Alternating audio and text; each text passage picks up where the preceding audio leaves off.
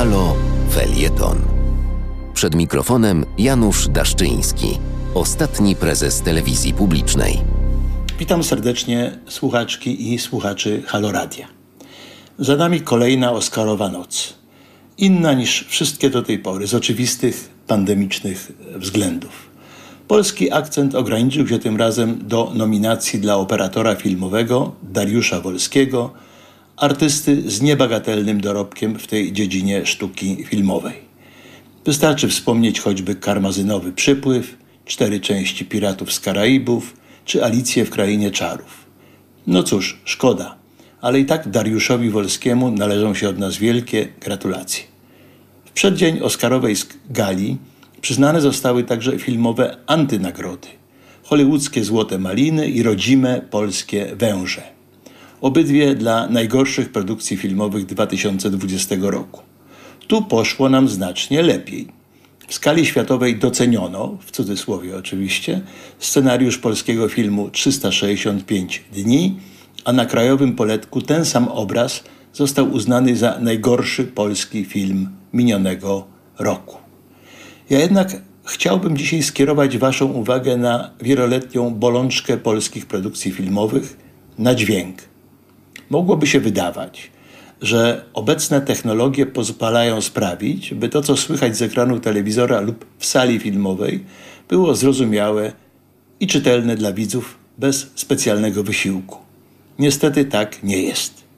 W pierwszych dniach kwietnia, bodaj 6, zachęcony niezłą kampanią promocyjną, zasiadłem przed telewizorem, by obejrzeć pierwszy odcinek TVN-owskiego serialu Żywioły Saszy. Było widać, ale słyszeć i rozumieć w czym rzecz niekoniecznie. Podzieliłem się tą obserwacją na Facebooku. I nie zostałem sam z moją opinią. Na przykład Sebastian Jankowski napisał, że, cytuję, polskie filmy tak mają, no i troszkę brak dykcji nowemu pokoleniu. Z kolei Maciej Gawlikowski podszedł do sprawy pragmatycznie. Wyjaśnił, że to kwestia budżetu, że tak zwany dźwięk setkowy jest grany wyłącznie na planie i nie robi się postsynchronów nawet przy scenach zewnętrznych. A teraz bardziej obszerny cytat. Andrzej Siwek pisze tak. Byłem pewien, że głuchnę na starość, ale gdy okazało się, że także młodsi nie rozumieją, co aktorzy mówią, nieco się uspokoiłem. Oczywiście dykcja, ale nie tylko. Znajoma specjalistka w tej dziedzinie powiedziała mi, że teraz reżyserzy każą mówić aktorom tak, jak mówi przeciętny Polak na ulicy, bo tak jest naturalnie, a jak aktor mówi starannie, to ponoć jest nienaturalny. Podobnych komentarzy jest więcej, ale są też i dobre rady. Małgosia Karolcia-Piek ma na przykład taką. Trzeba czytać z ruchu warg. Nie wiem tylko, co zrobić, gdy stoją tyłem do kamery. Kasia Śliwińska natomiast podchodzi do sprawy bardziej radykalnie. Pisze, że zawsze włącza dodatkowo napisy na polskich filmach. No tak, ale czy twórcom na pewno chodzi o to, by polskim filmom towarzyszyły polskie napisy? Jeszcze słowo o tak zwanych kartach ekranowych i kartach mikrofonowych, czyli, jak twierdzą niektórzy, o reliktach przeszłości. Dla mniej wtajemniczonych informacja, że kiedyś, ale znowu nie tak bardzo dawno temu, karta ekranowa w telewizji polskiej była czymś ważnym dla wszystkich tam zatrudnionych, którzy pojawiali się na antenach publicznego ongiś nadawcy. Trzeba było zdać specjalny egzamin nie tylko z dykcji, ale także z wiedzy ogólnej i znajomości niuansów języka polskiego. Trzeba było zaprezentować swoje, zrealizowane już materiały.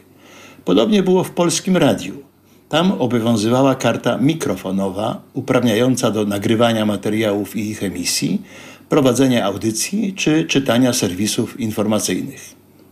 I komu to przeszkadzało? Zapytam retorycznie. Na koniec jeszcze jedno. Mam nadzieję, że mówiłem do Państwa na tyle wyraźnie, że każde słowo było zrozumiałe, mimo że nagrywam całość telefonem komórkowym. A co do treści, tu ocenę pozostawiam jak zwykle Wam, drogie słuchaczki i drodzy słuchacze Halo Radia. Do usłyszenia za tydzień. Wysłuchania kolejnego felietonu Janusza Daszczyńskiego zapraszamy w następną środę o godzinie 12.50.